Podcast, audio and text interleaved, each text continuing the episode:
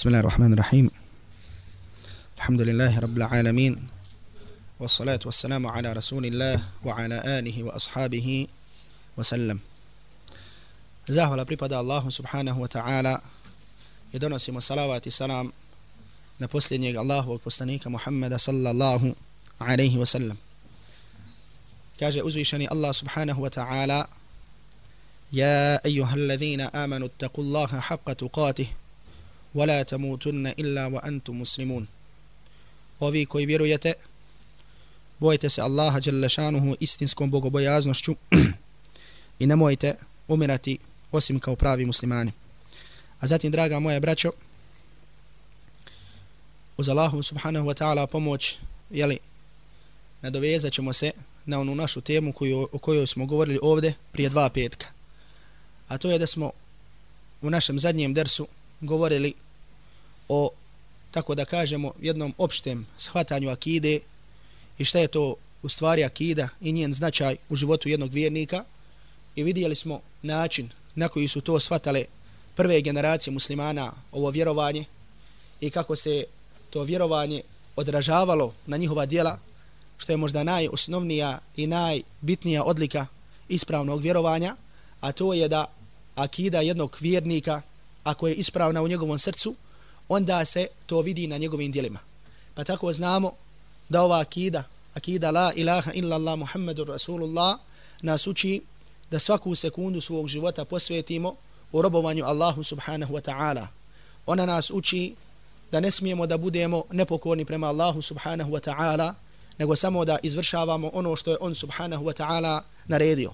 Pa tako jedan mladić nema da kaže ja ću robovati svom gospodaru kada budem stari, nego je tako zna da kao što Allah subhanahu wa ta'ala je zadužio one koji su starijim godinama da mu budu pokorni, isto je tako zadužio i čovjeka dok je u svojoj mladosti, čak šta više Allahu poslanih sallallahu alaihi wa sallam nam posebno govori o vrijednosti, tako da kažemo čovjekovog ibadeta u njegovim radnim, njegovim radnim godinama. Zatim, to je akida, ali tako, koja također uči naše sestre muslimanke, da pored toga što je ovo vrijeme fesada i vrijeme kada svi govore o ženu islamu i kako ona treba da bude i da izgleda, ona zna da je obavezna da se pridržava onoga što je Allah subhanahu wa ta'ala naredio, da se kloni onoga što je Allah Đalešanuhu zabranio i tako dalje. I tako rekli smo da onda kada su se pojavili odstupanja od vjerovanja u, po pitanju vjerovanja od prvih generacija, je tako oni koji su ispravno shvatali islamsko vjerovanje i koji su bili ono na onome na čemu je bio Allahu poslanik sallallahu alaihi ve sellem kada se pojavile razne sekte, sebe su nazvali ahli sunna wal jama'a jeli ehlu sunnatu wal džema'a, što znači pripadnici sunneta i džemata zajednice. To jeste, oni koji ne daju prednost svom razumu, nego oni koji se drže onih predaja, koji su došli od Allahovog poslanika sallallahu alaihi ve sellem koji su došli od prve generacija i ono što nam je također, draga moja braćo, bitno, to jeste oni koji se drže zajednice. Tako je li tako u samom ovdje naslovu, je li tako spašene skupine, koja se zove Ahli Sunna wal Jama'a, vidimo da je od njene odlike šta zajedništvo. I tako možda ova tema o kojoj nekada možda govorimo, kada govorimo o ahlaku, kada govorimo o jedinstvu muslimana, o njihovom zajedništvu, kako musliman treba da se ponaša prema muslimanu. Mi ponekad smatramo da su to stvari, tako da kažemo, koje su pohvalne. Znači imamo nešto akidu, imamo nešto ahlak. E, akida je da vjerujem svojim srcem, e sad, hoće li ja biti lijep prema svom bratu muslimanu ili neću, to je ahlak, e, to nije toliko bitno. Međutim, čak šta više ovdje vidimo, da jedan od sasta, sastavnih dijelova našeg vjerovanja jeste bratstvo. I zato kada islamski učenjaci, ko što spomenu šehu Sejmin i drugi, kada govore o značenju ehli sunnata val džamata, kažu da je od njihovih znakova jedinstvo i da među njima nema razilaženja. Dok je znak ili ono po čemu se prepoznaju one skupine koje su odstupile od prvih generacija, jeste da se poznaju po tome što se razilaze međusobno, što jedni druge, tako da kažemo, jedni za druge kažu da su u grijehu, jedni za druge kažu da su novotari, da su kufri, tako dalje. Međutim, dok sljedbenici istine, dok su oni na jednom i među njima nema razilaženja. Tako da vidimo da ova stvar, ponovo ponavljam, koju nekada nazivamo i govorimo o njoj sa strane ahlaka, vidimo čak šta više da je ona jedna od sastavnih dijelova našeg vjerovanja i naše ispravne akide. To jeste što znači, ako želimo i hoćemo da budemo na ispravnoj akidi, na akidi na koju su bile prve generacije, onda moramo da znamo da je od osnovnih stvari toga da među nama bude jedinstvo. I zato, draga braćo, mi kada govorimo, na primjer, akida, jel tako? Govorimo, imamo akidu, tako da kažemo, neka spomenemo, ili neko daja spomene, kaže, podjela islama, tako da kažemo na tri dijela, na akidu, na ahlak i na fik, jel tako? Akida čovjekovo vjerovanje, ahlak, šta? Čovjekovo ponašanje i fik čovjekovi propisi, propisi halale i harama. Mi kažemo, ova podjela je došla samo kada je u pitanju učenje i podučavanje. Znači, kada hoćemo tako da kažemo da nekome je predstavimo, islam pa mu kratkim crtama kažemo e, ima što, ima što, ima što. Međutim, dok jedan vjernik ni u kom slučaju ne smije da dadne prednost jednoj stvari na drugoj stvari. I neko će reći najbitnija akida. Jeste, akida je najbitnija. Jer čovjek ako ima određeni grešaka u akidi i ne do Allah Đalešan ode u kufr, onaj ko umre kuf, na kufru, šta je njegov ishod, njegov ishod da će biti vječni stanovnik džehennema, je tako? Jel tako? Međutim, isto tako ćemo u sunnetu Allahovog poslanika sallallahu alaihi wasallam vidjeti da čovjek koji dođe Allahu subhanahu wa ta'ala sa ispravnom akidom, sa ispravnim vjerovanjem, međutim, njegov odnos prema drugim ljudima, njegov odnos prema muslimanima ne bude ispravan, vidjet ćemo da isto tako njegov ishod ili njegov kraj da će biti džehennem. Normalno neće vječno u njemu boraviti, međutim Allahu poslanik sallallahu alaihi wasallam nas obavještava o čemu? Da će taj čovjek biti u džehennemu. Pa tako, na primjer, imamo hadis kojeg nam je zabilježio imam Tirmizi u svom sunanu. Hadis je verodostojen da Allahu poslanik sallallahu alaihi wasallam nam kaže atadruna mal muflis. Kaže na Allahu poslanik sallallahu alaihi wasallam znate li ko je muflis? Odnosno onaj koji je izgubio. Nekad se kod, kod nas prevodi koji je bankrotirao. Je li čak ovaj izraz spominje su islamskom pravu, misli se čovjek koji je dužan drugima, koji nema ni malo svog imetka. Pa, ashabi Allahovog poslanika sallallahu alaihi wa sallam rekoše, al muflisu fina ja Rasul Allah, men la dirhama lehu wala meta'a. Kažu Allahov poslaniće, gubitnik među nama, muflis kod nas, je onaj koji nema ni jednog dirhema, niti koji nema nekog imetka. Pa kaže poslanik sallallahu alaihi wa sallam, al muflisu fi ummeti, man jati jevme l'qiyamati bi salatihi, wa zakatihi, wa sijamihi kaže muflis ili gubitnik iz mog ummeta, jeste onaj koji će na sudnji dan doći sa namazom i doći sa zakatom i doći sa postom. Ovdje vidimo šta? Da će doći na sudnji dan i da će biti šta? Da taj njegov namaz i njegov zakat i njegov post da su primljeni i da ga Allah subhanahu wa ta'ala učinio kabulom. A mi jel tako znamo da svaki ibadet koji činimo, da mi za njega strahujemo, hoće li nam ga Allah subhanahu wa ta'ala primiti ili neće? Jel tako? Imamo primjer Ibrahima a.s. Ibrahim a.s. sa svojim sinom Ismailom diže šta? Ja tako temelje Kabe. I šta govori u svemu tome? Rabbena taqabbal minna. Allahu primi ovo od nas. I traže od Allaha subhanahu wa ta'ala poslanici da Allah Đalešanu primi od njih to što čini. Subhanallah, šta nas podučava ovaj ajet? Podučava nas da svaki čovjek treba da strahuje, strahuje za svoja dijela. Da li će mu biti primljen kod Allaha Đalešanu ili neće? Jel tako? Pa kao što kaže jedan od selefa, prenosi se da je rekao, kaže, kad bi znao da mi je Allah subhanahu wa ta'ala primio u Kabulu, činio samo jedno subhanallah koje sam izgovorio, kaže, poželio bi da umrem. To jeste, poželio bi da, mi, da umrem, nadajući se da će doći pred Allah subhanahu wa ta'ala da primi od mene samo jedno subhanallah koje sam rekao. Ah? Znači, mi sad ovdje klanjali smo jaciju namaz. Možda mislimo i ponašamo se, ali tako nadamo se da nam je Allah to primio. Međutim, jesmo li sigurni sa tim da ćemo doći pred Allahom subhanahu wa ta'ala da imamo vojaciju namaz. Niko ne može da bude siguran. Nego li tako čovjek zato strahuje. I ovdje vidimo, ali ovdje na poslanih sallallahu alaihi wa sallam kaže šta? Da će taj čovjek doći sa namazom, zakatom postom. Znači Allah subhanahu wa ta'ala to od njega kabul učinio.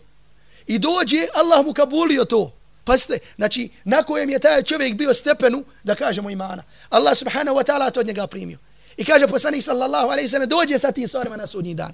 Ali kaže poslanik alejhi salatu vesselam: "Wa qad shatama hadha wa qadhafa hadha wa safaka dama hadha wa daraba hadha." Ali kaže u isto vrijeme će doći i kaže ovoga je kaže udario. ovoga je opsovo, nagrdio. Ovo me kaže krv prolio. ovoga je kaže potvorio za neku stvar. Kaže fa yaqud fa yuqtasu min hasanatihi.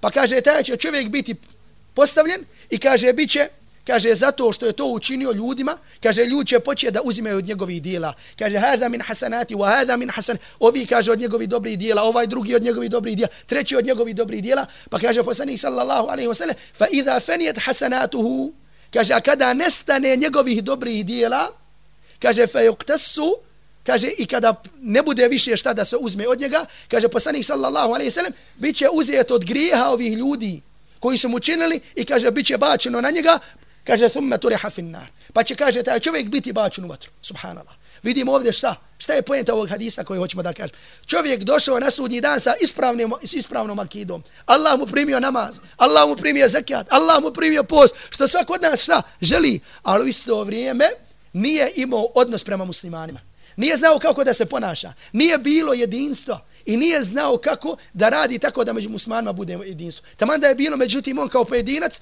on narušavao sve to. I znači vidimo ovdje šta? Zato kada shvatamo islam i kada ga uzimamo, nema da kažemo, eh, meni treba samo ispravna kida da ja uzmem, a kaže ono halal, haram, manje više, hajde Allah može oprostiti. Ili da kaže jedan, meni je bitno, halal i haram, šta je bliže sunnetu poslanika, a kaže ahlak mi nije tako bitan. Jel da neko kaže ahlak mi je bitan, a kaže akida mi nije bitna. Ne, to kod nas nema razlike. Mi kažemo pravimo ovu podjelu samo da bi podučili i da bi lakše shvatili. Jedan dan učimo akidu, jedan dan učimo fik. Međutim, kada uzimamo ovu vjeru iz Kur'ana i sunneta Allahovog Resula sallallahu alaihi wasallam, uzimamo kako? Uzimamo kao čitavu cijelinu. I zato, draga braćo, mi kažemo, vidjeli smo ovdje, znači pouka nam je da čovjeku može da naškodi jedno tako da kažemo, jedna riječ ko što je došlo u drugom hadisu, Allahu poslanika alaihi salatu wasalam spomije, zabilježi imam tirmizi u svom sunanu, da će čovjek samo radi jedne riječi koje izgovori završiti u džahannam. Samo radi jedne riječi. Normalno misli se od opet šta? Čovjek koji ima iman, koji ima ispravnu akidu, ali radi jedne riječi koje izgovori o drugom muslimanu, poslanik sallallahu alaihi wasallam kaže da njegov ishod biva džahannam. I zato vraćamo se na ono, a to je tumačenje jel tako, naziva ispravne skupine, pobjedonosne skupine, a to je ehli sunne wal džema. Što znači da pored toga, što su u vremenu fitne drže sunneta Allahovog poslanika sallallahu alaihi wasallam, oni su također jedinstveni. Međutim, ja se bojim da upravo ova stvar nije nešto možda što danas najviše nama treba. Ono što danas najviše treba onima koji uče i koji su naučili sunneta Allahovog poslanika sallallahu alaihi wasallam jeste jedinstvo i da budemo kao jedno. Međutim, draga braćo, danas, nažalost, ne samo tako da kažemo da se skupine ili da kažemo mase običnih muslimana podijelili, iako su tako da kažemo na sunnetu Allahovog poslanika sallallahu alaihi wasallam, čak šta više podijelili su se oni koji bi trebali da ih predvodi i da ih uče. One koji nazivamo dajama, koji nazivamo šejhovima, koji nazivamo alma. Pa danas ćete vidjeti da više možemo da kažemo da nam neke daje liče na neke estradne umjetnike nego što nam liče na neke daje. Umjesto da čitavo svoje vrijeme posvijeti, da ljude podučava Kur'anu i sunnetu, ona svojim darsovima spominje ovoga, spominje ovoga, govori ovoga, ovoga grdi, I subhanallah, dešava se šta? Onog istog čovjeka, tako da kažemo, koji na onome na čemu je on. Međutim, radi neki mali stvarčica se razišli, odma smatra obavezom, da je to obavezan da objasni drugima, kako drugi ne bi upali, subhanallah, u tu grešku. Međutim, gdje se to od onoga što smo vidjeli, i što smo naučili od prakse naše prvih generacija, a to je primjer Selefu Salih. Gdje smo, draga, brećo da se ponašamo? Mi smo, jel tako, govorili prošli put, da spoznali smo, inša Allah, i ta'ala ispravnu akidu. I valja pozivati u tu ispravnu akidu. Ali moramo ispravnu akidu pozivati onako kako je pozivao Allahu poslanik sallallahu alaihi wa sallam. Čak sa onim koji odbija i za koji za tebe kaže da si u dalaletu i da si na ome, mora da znaš prema njemu kako da se ponašaš. Jer musliman, oni se trude, ahli sunnet wal džema, šta? Da budu zajednica. Ali isto tako žele oni koji nisu na onome na čemu su oni, da ih privuku, da im objasne na najljepši način tako da zajedno oni budu sa njima jedna zajednica. Pa ćemo tako i sunnet Allahovog poslanika sallallahu alaihi wa sallam vidjeti dosta lijepih primjera koji nas uče kako poslanik sallallahu alaihi wa sallam poziva u islam one koji mu se suprostavljaju. I kako se ponaša prema njima onda kada mu se suprostavi. Onda kada mu se suprostave u lice. Ali mi ne kažemo da su ovi primjeri iz vremena Mekke kada su muslimani bili slabi, nego čak šta više iz primjera iz medinskog perioda, kada su muslimani imali državu, kada su imali vlast, kada su mogli da urade ono što hoće sa onim kojim se suprostavlja. Pa nam je tako zabilježio imam At-Taberani, rahmetullahi alaihi, jednu predaju, jedan lijep hadis od Abdullah ibn Salama. A čuli smo ko je Abdullah ibn Salam? Abdullah ibn Salam je ashab Allahovog poslanika sallallahu alaihi wa sallam, koji je šta bio židov, bio židovski svećenik, koji je zatim prešao na islam i tako dalje. I ovaj Abdullah ibn Salam nam govori priču, spominje nam jedno lijepo kazivanje o tome kako je jedan također svećenik iz, iz reda židova, kako je prešao na islam i kako je primio islam. Pa kaže Abdullah ibn Salam, kaže je došao je Zaid ibn Sa'ne. Ova je li ashab se zao Zaid ibn Sa'ne, bio je židov. Kaže je došao je kod mene i rekao mi kako mi Allaha djela. Ja sam na Muhammedu vidio sve znakove poslanstva, osim kaže dva znaka. Kaže njih nisam vidio svojim očima. I kaže sada imam želju da to na njemu isprobam, da vidim je, je li on u istinu poslanik. A kaže prvi taj znak jeste, kaže da njegova blagost, kaže prestiže njegovu osorost i njegovu grubost. A kaže drugi znak, da što si ti više grub prema njemu. I kaže što si više grub bio sad prema njemu, on je sve više blag prema tebi. Pa sam kaže izašao i kaže rekao je Abdullah ibn Salamu, kaže otiću sada u Medinu, otiću li Allahu poslaniku sallallahu alaihi wa sallam da isprobam ova dva znaka da li kod sebe ima ili nema. I kaže otišao sam i kaže rekao sam o Muhammede, hoćeš li da sklopimo jedan vid trgovine? A to je bio jedan vid trgovine koji se u islamskom pravu zove selam. A to se misli da ti sada dođeš kod nekog čovjeka i rekneš kup ću tebe plod koji će niknuti za toliko i toliko za mjeseci dva, a ja ti kaže sada dajem pare. I on je došao kod poslanika sallallahu alaihi wasallam i rekao ćeš mi prodati one hurme, jeli kada rode, a ja ti kaže odmah sada dajem pare. Ali je uslov ovdje da dogovore tačno vrijeme, tačno mjesto, predanja toga i tako dalje. I poslanik sallallahu alaihi wasallam je to pristao. Međutim, nekoliko dana prije roka koji je trebao da poslanik sallallahu alaihi wasallam isplati dug, da vrati, jel tako, hurme, Zaid ibn Sana, Zaid ibn Sana je namjerno odšao kod Allahovog poslanika sallallahu alaihi wa sallam da u tom momentu i tada isproba ova dva znaka. Pa sam kaže došao, a kaže poslanik sallallahu alaihi wa sallam je sa svojim ashabima klanio dženazu, nekome od muslimana. Pa je kaže sjeo se Ebu Bekrom i Omerom. Kaže ja sam mu došao, kaže fa ahadtuhu bi međamija kamisi u ridai. Pa sam ga kaže jako uhvatio za mjesto gdje se skuplja njegova jeli košulja je njegova ona džuba nešto poput je što mi je rekli za kragnu. Uhvatio sam ga, kaže, tako jako. I rekao sam mu, o Muhammede, tako mi Allaha Đalešanu, ja vas sinove Abdul Mutaliba, kaže, ne poznajem osim po tome što ne vraćate dug na vrijeme. A on je znao da još nije došlo vrijeme duga.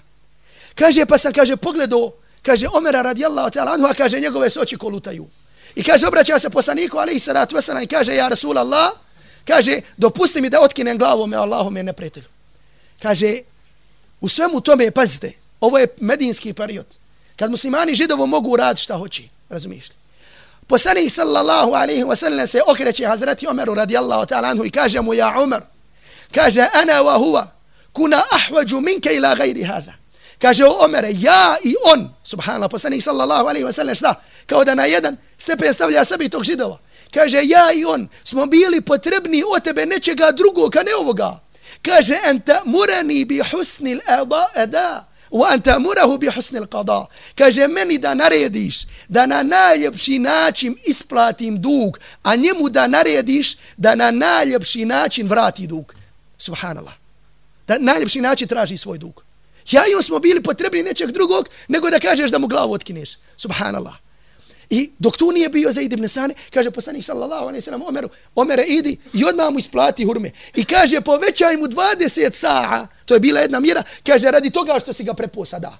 Kad si rekao će mu otkinu glavu, kaže on se sigurno prepo, radi toga što se prepo, kaže idi još mu, kaže podaj viška. E kad je subhanallah otišao Zaid ibn Sane sa Omerom radijallahu ta'ala anhu, a on nije čuo ovaj govor. A Omer radijallahu ta'ala anhu mu vraća, jel tako, hurme koliko se dogovorili. I dodaje mu 20 ovi saa više. Kaže šta je ovo? Kaže, Allah poslanik alaih salatu veslam je naredio ti dam zato što sam te prepo. Kaže, za toga što sme prepo, kaže, ešhedu en la ilaha illallah, ešhedu anna Muhammeda Rasulullah. Kaže, svjedočim da nema drugog istinstog ko božanstva sam Allah i da je Muhammed njegov poslanik. Kaže, pa ko si ti? Kaže, Zaid ibn Sane. Kaže, ti si Zaid ibn Sane. Kaže, ti si taj poznati židov. Tako se ponašaš. Kaže, ne tako mi Allah šanu. Kaže, nije to od moga hlaka. Nego sam, kaže, samo nisam vidio dva znaka. Allahovog poslanika, sallallahu alaihi wa sallam. Kaže, pa sam došao Kaže, pa sam došao, kaže, da isprobam te dvije stvari, šta? Da vidim da li on u istinu poslanik. I kaže, sada ovdje svjedočim da je Muhammed sallallahu alaihi wa sallam i kaže, pola svog imetka dajem kao sadaku muslimanima. Subhanallah, braćo, vidimo ovdje šta? Vidimo ovdje stvar koja mora da se nađe, koju Allah subhanahu wa ta'ala naređuje Allahom poslaniku sallallahu alaihi wa sallam. A to je šta? To je oprost i blagost. Kaže Allah subhanahu wa ta'ala, svom poslaniku sallallahu alaihi wa sallam, hudi la afva, va'mur bil urfi va'arida anil jahili. Kaže, a ti naređuj, kaže ti, blago postupaj, opraštaj. Kaže, naređuj da se dobro čini i kloni se neznalica. U drugom majetu mu kaže, fa bima rahmeti min Allahi lintelahum. Kaže, e, radi, kaže, samo rahmetom, kaže, Allahovim ti si blag prema njima. Kaže, da nisi blag, oni bi se o tebe razbježali. I vidimo, misli se šta razbježali. Ne bi prihvatili uputu sa kojom si došao da si bio žestok, da si bio oštar.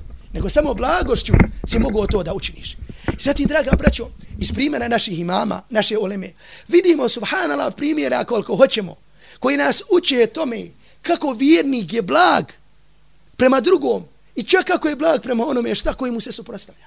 Svi smo čuli, jel tako, za imama Ahmeda, rahmetullahi alaih. Jel tako? Jednog od četvorice imama. I čuli smo za njegovo znanje. Imam Ahmed, imam Ahmed, imam kojem su na predavanje dolazili 50.000 ljudi u Bagdadu.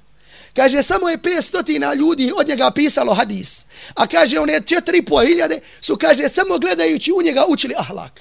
Učili kako se musliman ponaša. Samo 500 i piše hadis. A one druge 4.500, šta? Subhanallah, uče kako se imam Ahmed ponaša. Imam Ahmed, koji je upitan za 60, o 60.000 pravnih pitanja, 60.000 mesela i na koji na svi 60.000 odgovorio, ne treba da tala nagradi. Barek lafi. 60.000 pitanja upitan i na svi 60.000 od njih odgovorio, haddethena wa ahberena. Pričao nam je kazao, to jeste spomenuo čitav lanac prenosilaca do Allahovog poslanika sallallahu alaihi wa sallam.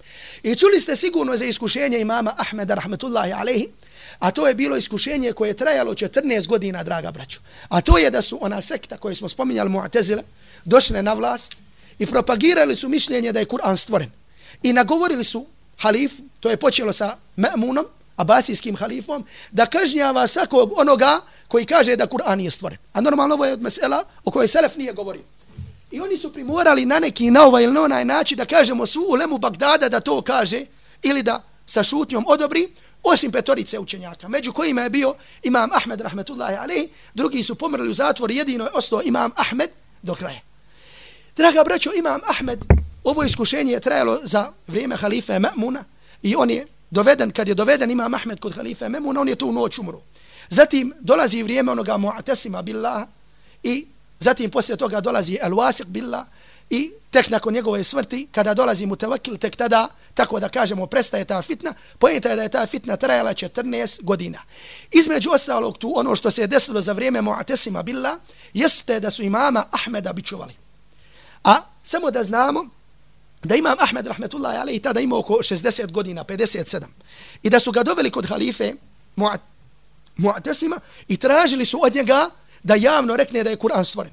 Međutim, u svemu tome imam Ahmed je govorio, dođite mi samo sa ajetom iz Allahove knjige, jednim ili jednim hadisom Allahovog poslanika sallallahu alaihi wa sallam, ja ću to reći. Međutim, ako nemate, kaže, ja to neću reći. A tu je bio poznati Ali Mu'tezila koji se zvao Ibn Abi Davud i koji je naseo ovo nahuško halifu.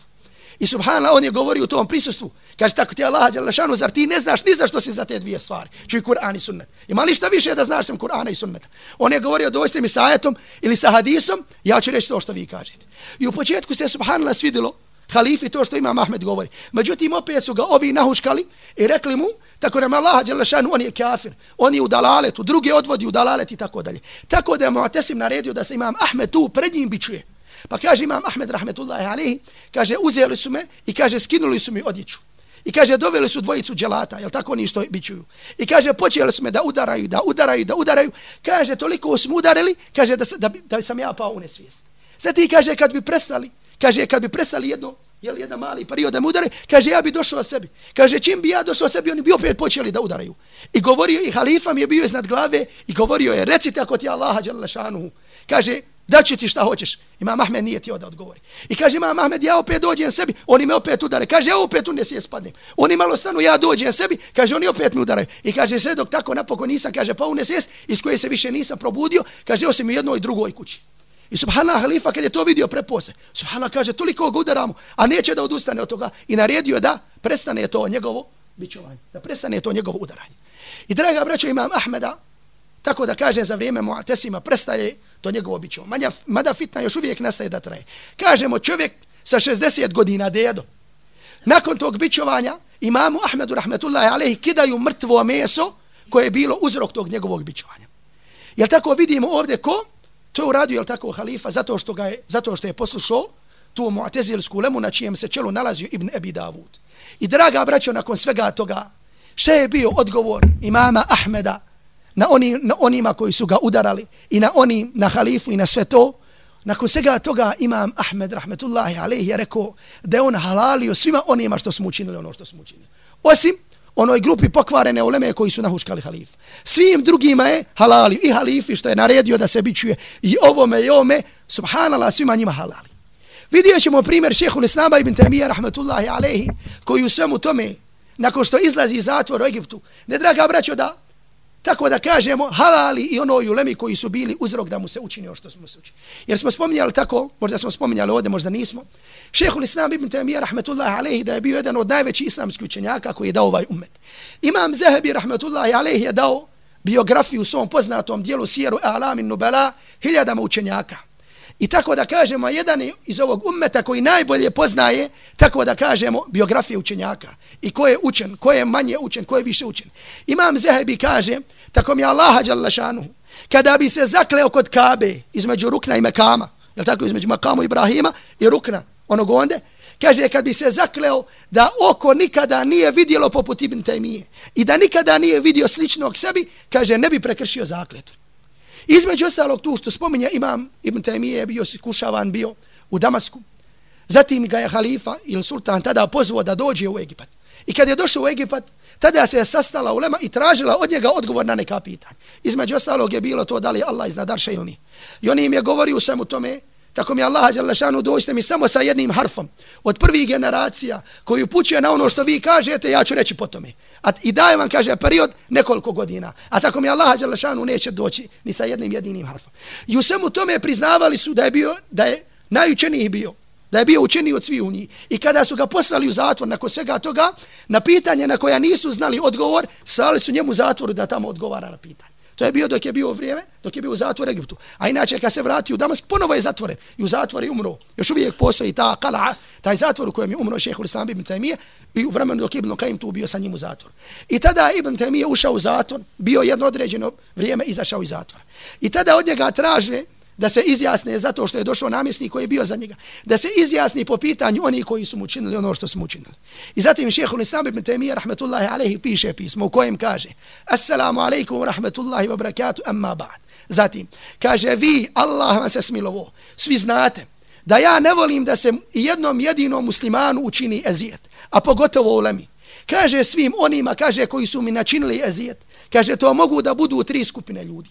Kaže prvo, kaže oni koji je koji ne znaju. Kaže pa tako njima se iz neznanja neće kaže neće se kažnjavati radi neznanja. Kaže drugi kaže jeste oni kaže koji su jeli mislili da dobro rade ono što rade, kaže od sebe su uložili maksimalni napor. A kaže mi znamo da čovjek kada uloži maksimalan napor, kaže ako pogodi ima dvije nagrade, ako promaši ima jednu nagradu. A kaže oni što su radili namjerno, pa kaže Allah oprostio i meni i njima. Allah oprostio i meni i njima. A kaže, vi ste svi zajedno, kaže, u halalu, odnosno ja vam halalim i čak šta više, vi ste na većem stepenu kod mene nego što ste nekada bili. Subhanallah, nakon čega ovo sve? Nakon ovog velikog iskušenja, nakon što se desi. Međutim, ko to može da učini? Onaj koji se povoza Allahom i poslanikom, sallallahu alaihi wa sallam, i vidio šta znači blagost, i da je blagost koja mora da se nađe u životu jednog vjernika. I da ti ljudi koji se suprostavljaju tome, da su ljudi koji ne znaju. Ili ljudi bolesni srca. A mi, subhanallah, šta? Mi, jel tako, kada vidimo čovjeka da je na nekoj greški, na nekom dalaletu, radujemo li se mi tome što je taj čovjek u dalaletu? Jel kažemo, vidi ga, mašala, mašala, odličan za džehennama. Ili, subhanallah, da čovjeku, da čovjek pusti suzu kada vidi nekoga koji, subhanallah, nije na uputi. Kada vidi nekoga koji nije na uputi. Subhanallah, Hasan el-Basri jedne prilike prolazi pored ljudi koji su se napili i ono tamburaju, ha, ha, pjevaju. Kaže, Allahu moj, učini sretnim na ahiretu kao što si učinio sretnim na dunjalku. Kaže ovako kao što pjeva i tambura i na dunjalku, učini kaže ovakim na ahiretu. Ko Hasan al-Basri, radijallahu ta'ala anu. Hasan al-Basri, prvak selefa.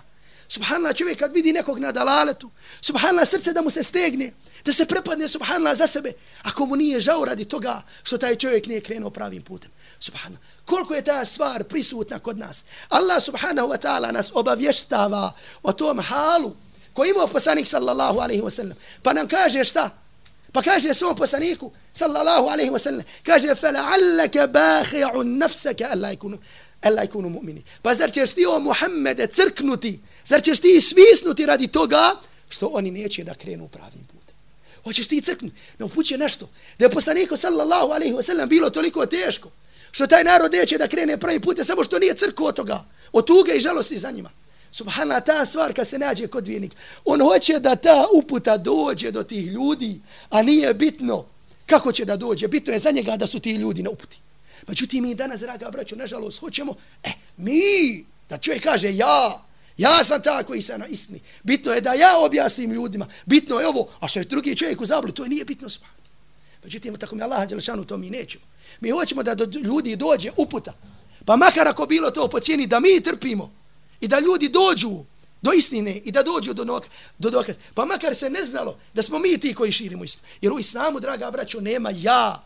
Nego samo je bitno da čovjek krene pravi put. Hoće li tvojim sebebom ili nečim drugim, subhanallah, nije nam to bitno.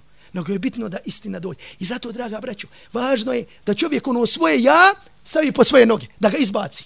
Nema da kaže ja znam, ja ovo. Danas kod nas se nažalost, dešava. Čovjek misli, umislio se, ha, čitavo znanje Dunjaluka po kusu. Ne samo to, vjerujte mi, ima oni koji studiraju šarijat, koji studiraju nauke. On je student, ali on već za sebe kaže, ja sam čovjek od nauke. A ako ti njemu nešto kaže, kaže, brate, vi ne volite ljude od nauke, mi smo ljudi od nauke. Subhanallah. A pogledajmo primjer islamski učenjaka, uleme. Da li kad za sebe kaže da je alim, jer kaže ja sam samo student. Subhanallah, možda smo ovdje spominjali.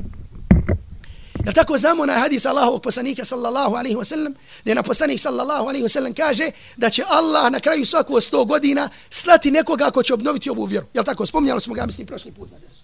I šeh bin Baz, rahmetullahi alaihi, je upitan ko je taj koji je obnovitelj vjere u ovom stoljeću, u ovom vijeku. Pa je rekao što se tiče mog ubjeđenja, kaže ja sam ubjeđenja da je obnovitelj vjere u ovom vremenu, u ovom vijeku, šeh Muhammed Nasiruddin Albani, šeh Albani, rahmetullahi alaihi. I draga braćo jedne prilike, dolaze, ovom go, dolaze s ovim govorom šeha Albaniju. I kaže mu šeh, šeh bin Baz, rahmetullahi alaihi, je za tebe rekao da si ti obnovitelj vjere u ovom vremenu. A Allah, drage, Allah najbolje zna, u istinu je, istinu rekao šeh bin Baz, kada vidimo koliko je šeh Albani oživio sunnet Allahovog poslanika, alaihi sratu njegova dijela i tako dalje, inšala da je obnovitelj u ovom vremenu. I dolaze i kažu to šeh Albaniju, subhanallah čovjek zaplaka.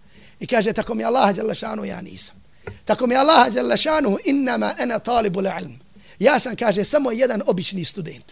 Kaže, ja sam samo jedan tragao za naukom, koji traži nauku. A kaže, ni u kom slučaju, kaže, pogledajte, subhanallah, kako jedan alim ima mišljenje o sebi. Subhanallah, je tako? Allah poslanik sallallahu alaihi wa sallam nas uči nešto što se zove poniznost. Da ne daje šta? Ne, nešto ja, ja ovo. Ne, to nema. Nema da čovjek kaže ja sam ovo. Ibn Kajim kaže kada kažeš ja, moje, meni, kaže znaj da sto najgora stvorenja rekla. Kaže Iblis je rekao ene, ja. Kaže koji, šta, Karun je rekao andi, kod mene je znanje. Subhana, kaže te riječ ko koristi, neka zna da koristi riječe najgori stvorenja kod Allaha subhanahu wa ta'ala. I draga braćo, kada ovo se desi, onda će se dešavati da kod uleme nađemo i vidjet ćemo da ulema jedne druge poštuju subhanallah, tako da kažemo, kao što niko drugi jedne druge ne poštuju. Koliko god da se razilazili, tako da kažemo, u nekim fikskim stvarima, jedni druge poštuju. Jer znamo da su ashabi Allahovog poslanika, alaihi salatu wasalam, bili, razišli se, razilazili se. Neki su od njih smatrali da se ovako obavlja namaz, neki su smatrali da se ovako daje zekat, ali su, subhanallah, šta? Ashabi Allahovog poslanika, alaihi salatu wasalam. Pa tako isto vidimo u lemu ovog ummeta. Jel tako? Možda smo ovdje jedne prilike spominjali da je imam Ahmed bio učenik od imama Šafije. Jel tako? Jer imam Šafija stari od imama Ahmeda. Međutim, imam Ahmed se razilazi od imama Šafije, ima svoje fikska mišljenja, svoje mezebi, tako dalje. I subhanallah, govore imamu Šafi, kaže, razilazi se od tebe učenik ti Ahmed, ali kaže, opet ti dolazi, zjareti te, kaže, ti od njega prihvaćaš njegove zjarete. Subhanallah, imam Šafi odgovara o stihovima. Kaže, kalu jezuruka Ahmed vato zuru. Kultu al fadailu la tufariku menzile. Kaže, rekoše šemi, dolazi ti Ahmed, posjećuje te Ahmed i ti njega posjećuješ. Ja rekao, kaže, lijepe osobine ne napuštaju njegovo mjesto. Kaže, in zareni fa bi fadlihi wa in zurtu fa li fadlihi wal fadlu fil wal fadlu fil lahu kaže ako me posjetim to je njegovom dobrotom. Ako ga posjetim to je radi njegove dobrote a dobrota u oba dva slučaja ide njemu. A dobrota u oba dva slučaja ide njemu. Možda ste čuli za šeha Šenqiti rahmetullahi alejhi velikog islamskog učenjaka u Medini? Ni onaj današnji nego jedan stariji ovaj koji je bio pisac poznatog tefsira Adva ul Bayan poznati tefsir, jedan od najboljih tefsira koji je napisan. On je živio za vrijeme jeli šeha Albanija, jedno vrijeme su zajedno živjeli dok je šeha Albani, rahmetullah alaih, bio u Medini kao profesor, kaže kad bi šeha, Alba, šeha Šenkiti je imao, kaže, svoju halku, svoje predavanje, gdje bi držao svoju stolicu. I kaže, ako bi iz daleka vidio da prolazi šeha Albani, kaže, na sred dersa bi se ustao ispoštovanje i prema njemu i nazvao mu salam. Napustio bi ders, ostavio bi ders, ustao, nazvao mu selam, šehu Albani, rahmetullahi alaih. Subhanallah, iako su se razišli, da sada ne spominjemo u nekim fikskim razilaženjima, u ovom ome, subhanallah, opet kako ulema posjeći jedni drugi. I zato, draga braćo, kažemo da je važno da znamo kakav imamo odnos jedni prema drugima. Čak i kada se razilazimo podređeni su. Jer jedinstvo među muslimanima nešto što je obaveza. I ne smijemo dopustiti da neka fikska razilaženja budu uzrok našeg razilaženja. Jer poznata nam je onaj možda predaja koju je zabilježio imam Ahmed rahmetullahi alaihi od Ebu Zara radijallahu ta'ala anhu da je jedne Ebu, godine Ebu Zar bio na mini. Jer bio na hađu? Za vrijeme Osmana radijallahu ta'ala anhu. Jer tako? Poznato nam je da na hađu kad, kad si na mini da se tamo namaz krati da se klanja dva rekata. I poslanik sallallahu alaihi wa sallam kratio kratio Ebu Bekir kratio Omer. Kad je došlo vrijeme Osmana Osman radijallahu ta'ala anhu klanja četiri rekata. I Ebu Zer radijallahu ta'ala anhu bio tu i klanio za njim četiri rekiata. Kad su završili nama, subhanala, kaže Abu Zer, klanio se za Allahovim poslanikom dva rekiata, za Omerom dva rekiata, za Abu Bekrom dva rekiata, kaže, pogledaj sad njega, kaže, on klanja četiri rekiata. Ali najbolje zna, ovdje je Osman tio da pokaže ljudima da je dva rekiata sunne, da je kraćenje sunne, da nije obaveza. Pa kaže Abu Zeru radijallahu ta'ala anhu, kaže, o Ebu, kaže, Ebu Zer kaže, osporavaš to što je učinio, a u isto vrijeme za njim klanjaš četiri rekiata, kaže, tako mi Allah, el hilafu je šad. Kaže, razilaženje je još uvijek, razilaženje još gore. Još gore da se razilazimo. Po pitanju neki tako, da se razilazimo u smislu šta? Da ne budu odnosi među nama, kako trebaju da budu odnosi među muslimana, kada je u pitanju halal, kada je u pitanju oprosti, tako dalje. Draga braćo, jok, šta, još šta više? Znači, ovo govorimo prema ljudima, znači, kako mi, koji smo spoznali, inša Allah i ta'ala, sunnet u ovom vremenu, koji znamo šta je ispravna akida, kako trebamo jedni prema drugima da se ponašamo, da jedni prema drugima prelazimo preko loših postupaka. Kao što imam Gazali, rahmetullahi alehi, kaže da se svom bratu muslimanu obavezan da nađe 70 opravdanja za neku stvar koju učini. Kaže, ako ne nađeš mu 70 opravdanja, kaže, onda na kraju reci, kaže, kako ti je srce tvrdo. Kaže, čovjek ti dolazi sa 70, i kaže, kao da ti čovjek dolazi, i 70 puta od tebe traži halala, a kaže, ti kažeš, neću, neću, neću. 70 puta tako odgovaraš. Kaže, zar ti srce nije tvrdo? Subhanallah. Sam sebe koriš. Šta? Sam sebe koriš. Tako se postu, ako prema svoje braći. Čak šta više prema ljudima koji tako da kažemo nisu spoznali i koji kažu ovi su ovakvi. Šta je opet obaveza prema nama? Blagost. Jesu li ti gori ili je gori onaj židov koji je došao poslaniku sallallahu alaihi wa sallam? Ja tako? Mi znamo da će u svakom vremenu biti pokvarene uleme, da će biti ovoga. Ali šta je na nama? Da li je na nama da se spustimo na nivo da budemo poput njih, da sujemo, da galamimo, da govorimo ružne riječi? Ili na nama šta? Mi imamo jedan put koji ne smijemo da ostavimo. A to je sunnet Allahovog poslanika sallallahu alaihi wa sallam. A sunnet Allahovog poslanika sallallahu alaihi wa sallam nas uči da budemo blagi prema kome? Prema svakome. Koliko god da se, vidimo ovdje primjer, za nam, primjer šehhul Islama ibn Taymiyyah nije rekao, za na primjer imama Ahmeda nije rekao, draga braću u svemu tome, jer nam nije bitno, tako da kažemo, šta ti ljudi nama kažu. Važno je da budemo blagi pr prema njima, kako bi im na što lakši način dostavili tu uputu. Kako bi na što lakši način to dostavili. Ponovo kažemo, bitno je da mi nismo i moramo svoje ja staviti dole. Kako ne bi, ako ti neko nešto kaže, ili te pogleda kaže, a vidi kako mi ovo, vidi kako, subhanallah, Musliman svom tako da kažemo što mu se učini, on sabura. On je blag prema tome. I tako da kažemo, nije bitno ko će taj koji će dostaviti. Možete ste čuli primjer iz sira Allahovog poslanika sallallahu alaihi wasallam o ashabu koji se zvao Ebu Mihđan.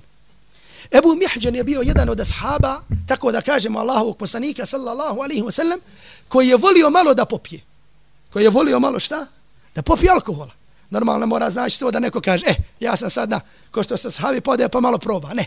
Nego Allah Đelešanu je iskušao ovog ashaba da je bio ashab. Ali pored svega toga, volio malo da popije alkohol. Međutim, nije tako da kažemo samo malo volio, nego mu je puno u srcu ostalo, iako je znao da je to haram, ostalo mu srcu ljubav prema alkoholu. I subhanallah svojim sinovima ostavio oporuku i kaže, kad vam babo umre, kaže, zakopajte me neđe blizu hurme, jer su oni od hurme pravili rakiju. Kaže, zakopajte me blizu hurme, kaže, i kad urmnem, kaže, da se one žile oko hurme, da se, kaže, obomotaju oko mojih kostiju. Kaže, i da mi tu, kaže, da budem blizu. Čega? Da budem blizu alkohola. Subhana kažu za vrijeme Omera radijallahu ta'ala anhu, samo da ga je Omer biće ovo sedam puta. I tako je ostalo sve, dok čak nije bila bitka na Kadisi, koji je predvodio Sad ibn Abi, Vakas radijallahu ta'ala anhu. I subhanallah dođu muslimani, ulogore se, prije bitke, spremaju se za bitku. Subhanallah dok se spremaju, Ebu Mihđan opet popijemala. Kaže Sad ibn Abi Waqas, la ilaha illallah, vas zapiješ ovdje bitka, kako se kaže, opet piješ. Kaže, tako mi Allah, Đelešanu, sad će biti kazna tako što ćete zatvoriti i što nećeš učestvovati na bitki. On kaže, jo majko moja, je li šta mi gore moglo da bude? I u istinu, sad ibn Abi Waqas ga sveže i, razumiješ li, rekne da mu niko nije dozvolio da priđe kada je bitka. I subhanallah, svi muslimani odu, kako se kaže, odu na bitku. Ostanu vam u logor, ostane nekoliko muslimana, ostane, ostane žena. Između ostalog, ostala žena Sad ibn Abi Vakasa radijallahu ta'ala anhu, koja se zvala Salma. I subhanallah, Ebu Mihđan, već pred, pred očima mu bitka, džihad, razumiješ, vrijednost džihada, on ovdje leži, subhanallah, sveza. Rekne jednom djetetu, kaže, otiđi kod Selme i reci joj, tako joj Allah, anđele šanuhu, kunem joj se Allahom, ako me pusti, ako me odriješi, kaže, svezat ću se u veo, tako da mi se oči samo vide, kaže, otiću bitku, Kaže, borit ću se, kaže, vratit ću se nakon bitke i kaže, ponovo ću se svezati. Kaže, sad Ibn Abi Vekas neće saznati šta da sam učestvo u bitki. Kaže, osim ako ne preselim kao šehid. Ona kaže, ovako, ovako, kaže, dobro, puštam te. Pod uslovom da se svežeš i da nikom muslimanima ne zna ne, razumiješ da sto ti, razumiješ da se vrati, kaže on, dobro. Subhanallah, Ebu Mihđan se sveže, razumiješ, uzme sablju i, razumiješ li, u bitku. Subhana, Ebu Mihđan bio poznati, razumije, po hrabrosti, poznati muđahid i tako dalje. Subhana, ušao Ebu Mihđan među mušrike, razumiješ li, bije im, kida im glave. Subhana, muslimani, konta i ko je ovo? Razumiješ li, sve zna, samo mu se oči vide. Kaže ovi jedni, tako nam Allah, Đelešanovu, Allah poslao meleka. Razumiješ? Kaže, sad ibn Abi Vekas, tako mi Allah, Đelešanovu, da mi Ebu Mihđan nije zatvore, kaže, ja rekao Ebu Mihđan. Razumiješ? Kaže, a dobru, kaže, dabrul belka, vo zafru, zafru bi mehđen. Kaže, kretanje konja, Kaže, isto kretanje belke, a to je bio naziv njegove kobile. Kaže, udarac, isto udarac je bu mihđena. Kaže, ali sam ga svezo. Tako mi Allah Đelešanu jedino Allah poslao meleka. Razumiješ li? Bitka se je desila, razumiješ li? Ebu Mihđan se vrati, razumiješ li? Ponovo se sveže, razumiješ li? Dolaze muslimani, kažu, razumiješ kako je bilo, pobjedili smo tamo, ali kaže Allah dao keramet. Kakav keramet? Allah dao, kaže, da dođe melek, kako se kaže, i da se bori sa nama. Kaže, sad ibn Ebi Vakas, ali tako mi Allah Đelešanu, Kaže, sve mi to liči da je bom mihđana. Kaže mu žena, tako mi Allah Đalešanu reći ti istinu. Ali nemoj mi ništa raditi. Kaže, toliko je, kaže, od mene tražio da ga pustim. I kaže, ja sam ga pustila pod onim uslovom koji je tijel. Kaže, to je bio Ebu Mjađan. Kad je došao sad Ibn Ebi Vakas i vidio ga, kaže, jes tako ti Allah Đelešanu ti ono bio. Kaže, jesam. Kaže, tako mi Allah nikad te više neću bićovati. Nema više sabura i nema više razumiješ ti tako da kaže da te bićem. Zato što ulema kaže da bićovanje je tako nakon četiri puta, da, jel kao što neki kažu, da je to samo ta'azir, znači ima pravo, ima ako hoće da ga kazni, ako neće na drugi način može da ga kazni. Nakon prvi bićovan, to je poslije razilaženje kod uleme. Kad je to čuo Ebu Mehđan, kaže, tako mi Allah, šanu, ja od sada više nikada neću piti. U istinu, poslije toga nikad više Ebu Mehđan nije probao da kaže nima. Ovdje vidimo, draga braća, šta? Subhanallah. Ashab Allah, žele šanu, dadne ovi bol. Koliko je nama potrebno ovo, tako da kažemo, u našem odnosu prema ljudima koji ne znaju koliko je ovo potrebno, tako da kažemo da znamo šta. Je li bitno to da se zna da Ebu Mihđen je taj koji ulazi da on kida glave mušicima? Nije bitno, razumiješ. Bitno je šta? Da se uče svoju džihadu, da se uče svoju davi, da se mušici porazi, da dava dođe do ljudi. A hoće li to biti ja? Ili će biti neko drugi? Ili će biti to? To nam uopšte nije bitno. Nama je bitno da gledamo da Islam napreduje. A ko će taj koji će biti vod? To nama nije bitno. I zato kažemo, jedna od osnovnih osobina koji mora da znamo. A tako mi Allah Đalešanu nema bez jedinstva, to je blagost i opraštanje jedni drugima. I zato smo ovdje samo naveli ovo, ovo nekoliko primjera da znamo i da vidimo kako je tek preći onda da se ponašamo jedni prema drugima.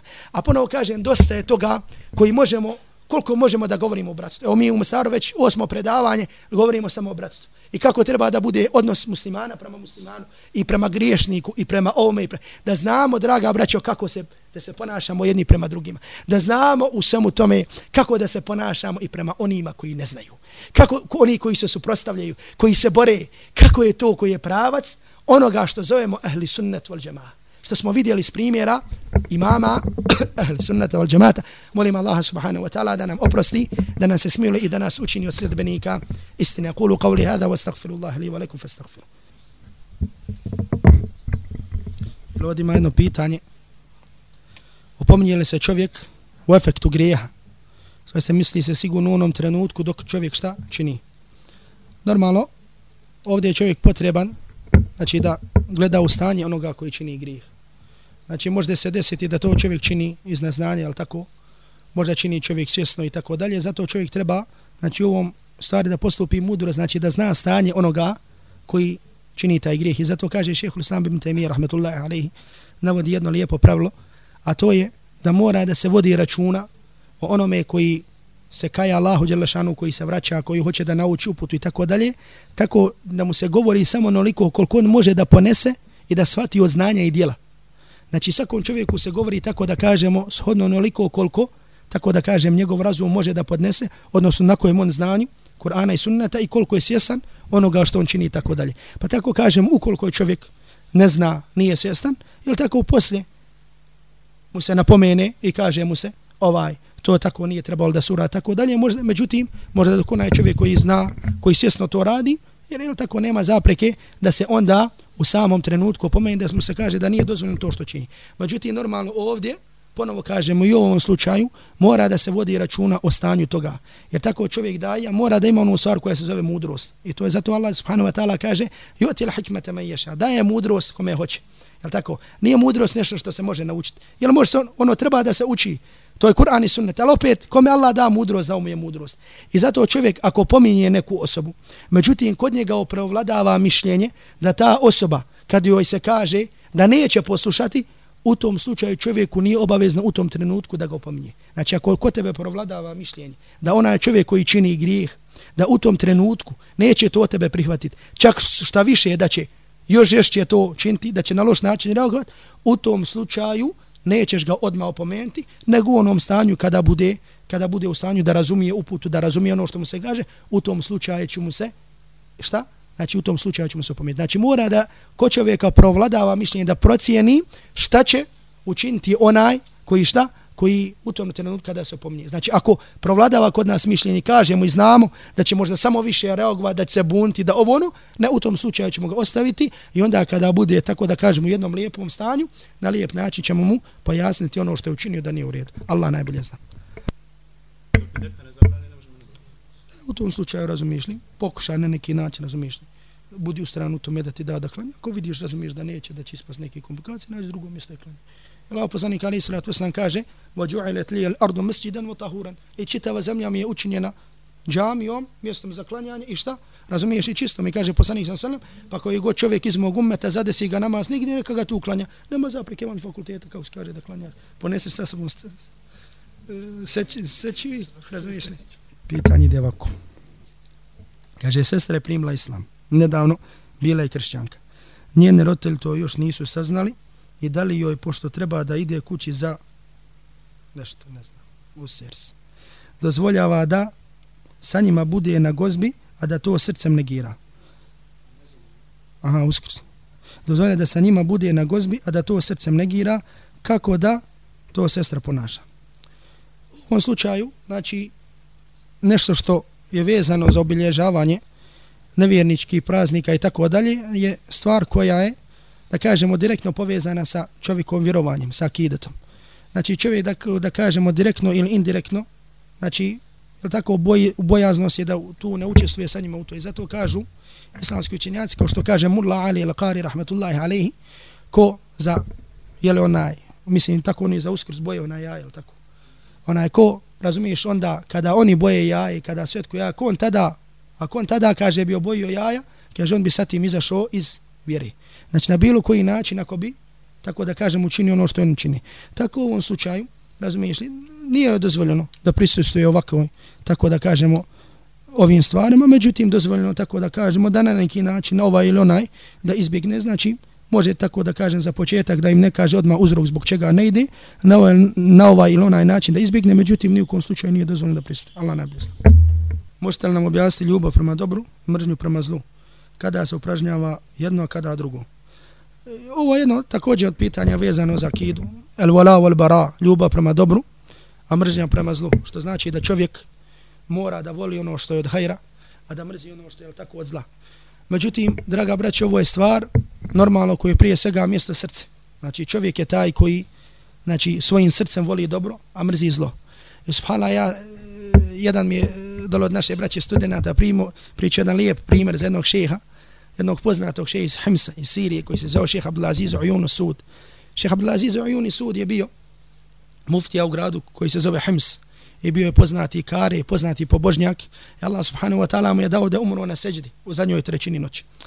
I subhanallah, jedne prilike je šeha Abdelaziz Ujunu Sud bio sa jednim šehom iz Damaska, zove se šehu, još uvijek živ šeha Ebul Hasan Kurdi, poznati karija i zajedno su bili i prolazili su pored jednog mjesta u Damasku, dobro zna gdje se nalazi, tu se nalazi jedan veliki kip ona, i nekog oficira i tako dalje. I spala kada su prolazili, ovom priča ovaj student, on je učenik inače kod ovog šeha Abdul Hasana i to je njom pričao šeha Abdul Hasan. Kad su prolazili pored ovog kipa, subhana šeha Abdul Aziz zaplać, zaplaka. Subhana prolazi pored kipa, ugleda kip i zaplaka. Razumiješ, logično je čovjek kad vidi nešto lijepo da zaplaći i tako da. I subhana pita ga, kaže, vidio si kipa, zaplako si. Kaže, tako mi Allah, Đalla šanu, kaže, vidio sam ga. A kaže, onog trenutka kad sam ga vidio, kaže, nije moje srce nimalo reagovalo na to zlo koje sam vidio. Kaže, subhanallah, pa sam se prepoznao svoj iman. Prepoznao sam se da li je sve u redu sa mojim imanom ili nije. Međutim, draga braćo, kada ovo kažemo, mi kod ljudi volimo njihova lijepa djela, a mrzimo njihova loša djela. Tako ni u kom slučaju. Kod ljudi nismo tako da kažemo, ne preziremo čovjeka kao njega. Ne, nego preziremo samo ono što je od grijeha, što je od širka, što je od kufra kod njega. Što znači, jer tako znamo onako postane islam i njega volimo. Što znači da ne mrzimo ga kao osobu, nego tako da kažemo samo ono dijelo koje se na njega, koji se nalazi kod njega, ovaj, to mi preziremo. I zato kažemo i davi, kod oni ljudi koji nas se suprostavljaju i tako da koji se suprostavljaju islamu, ispravno je, mi mrzimo, preziremo tu stvar kod njih i hoćemo to da promijenimo. Međutim, njih kao osobe, sa tim nema tako da kažemo nikakvog nema nikakve veze sa njima, nego su pitanju sama djela. Jer mislimo da je pitanje malo vezano za ovo predavanje. I zato istina je, došlo je na primjer od nekog od selefa, od, tako da kažem, od učinjaka da kažu, kada vidiš nekog novotara da ide, nemoj mu nazvat selam. Kada vidiš ovo, okreni se od njega i tako dalje. Istina, ovo je došlo od selefu saliha. Međutim, šeho Lisam ibn Taymiyyah, rahmetullahi alihi, ovim i sličnim izrekama daje jedno lijepo pravilo i objašnjava, kaže šehhul sam ibn Temi u svojim fetvama da ovo važi za ono vrijeme kada je većina ljudi, kada su ljudi na sunnetu. I kada se pojave određeni pojedinci koji odstupe od tog puta. I kaže da bi na što lakši način vratili, kaže mi činimo nešto se zove heđer ili mukata. Znači, nećemo, jednu distancu pravimo od njih, kako bi to uticalo na njih, kako bi se ti ljudi vratili. Znači, kako bi vidjeli, neće ja, neće drugi muslimani sa mnom, znači nešto sa mnom nije. Kaže, samo to važi za ova, kako se kaže vremena. Međutim, kaže, kad je vrijeme, kada je, kaže, e, nered se raširio, kada je većina ljudi na neistini, kaže, onda ostaje ona blagost koja je osnova kod muslimana, tako da kažemo da se ponaša. I zato, prepostavljam da nije možda pitanje malo bilo, ja tako, zbog čega smo blagi prema onima koji nisu na uputi, kažemo blagi smo zato što sa tim hoćemo, šta da i pridobijemo ovaj, za uputu, mada ovo je tako tema, ali vala, je nešto što je široko, o čemu može više ovaj, da se govori tako dalje, a normalno kada se sa čim se upražnjava jedno, a sa čim drugo normalno, znači svaki put kada kod čovjeka prestane ljubavi prema dobru, povećava se šta? Ljubav, jel tako? Nestaje mržnje prema zlu, znači povećava se njegova ljubav prema zlu, ako nema mržnje prema jel tako zlu i tako suprotno se dešava, znači jedno je to koje drugo potpunje Allah najbolje zna.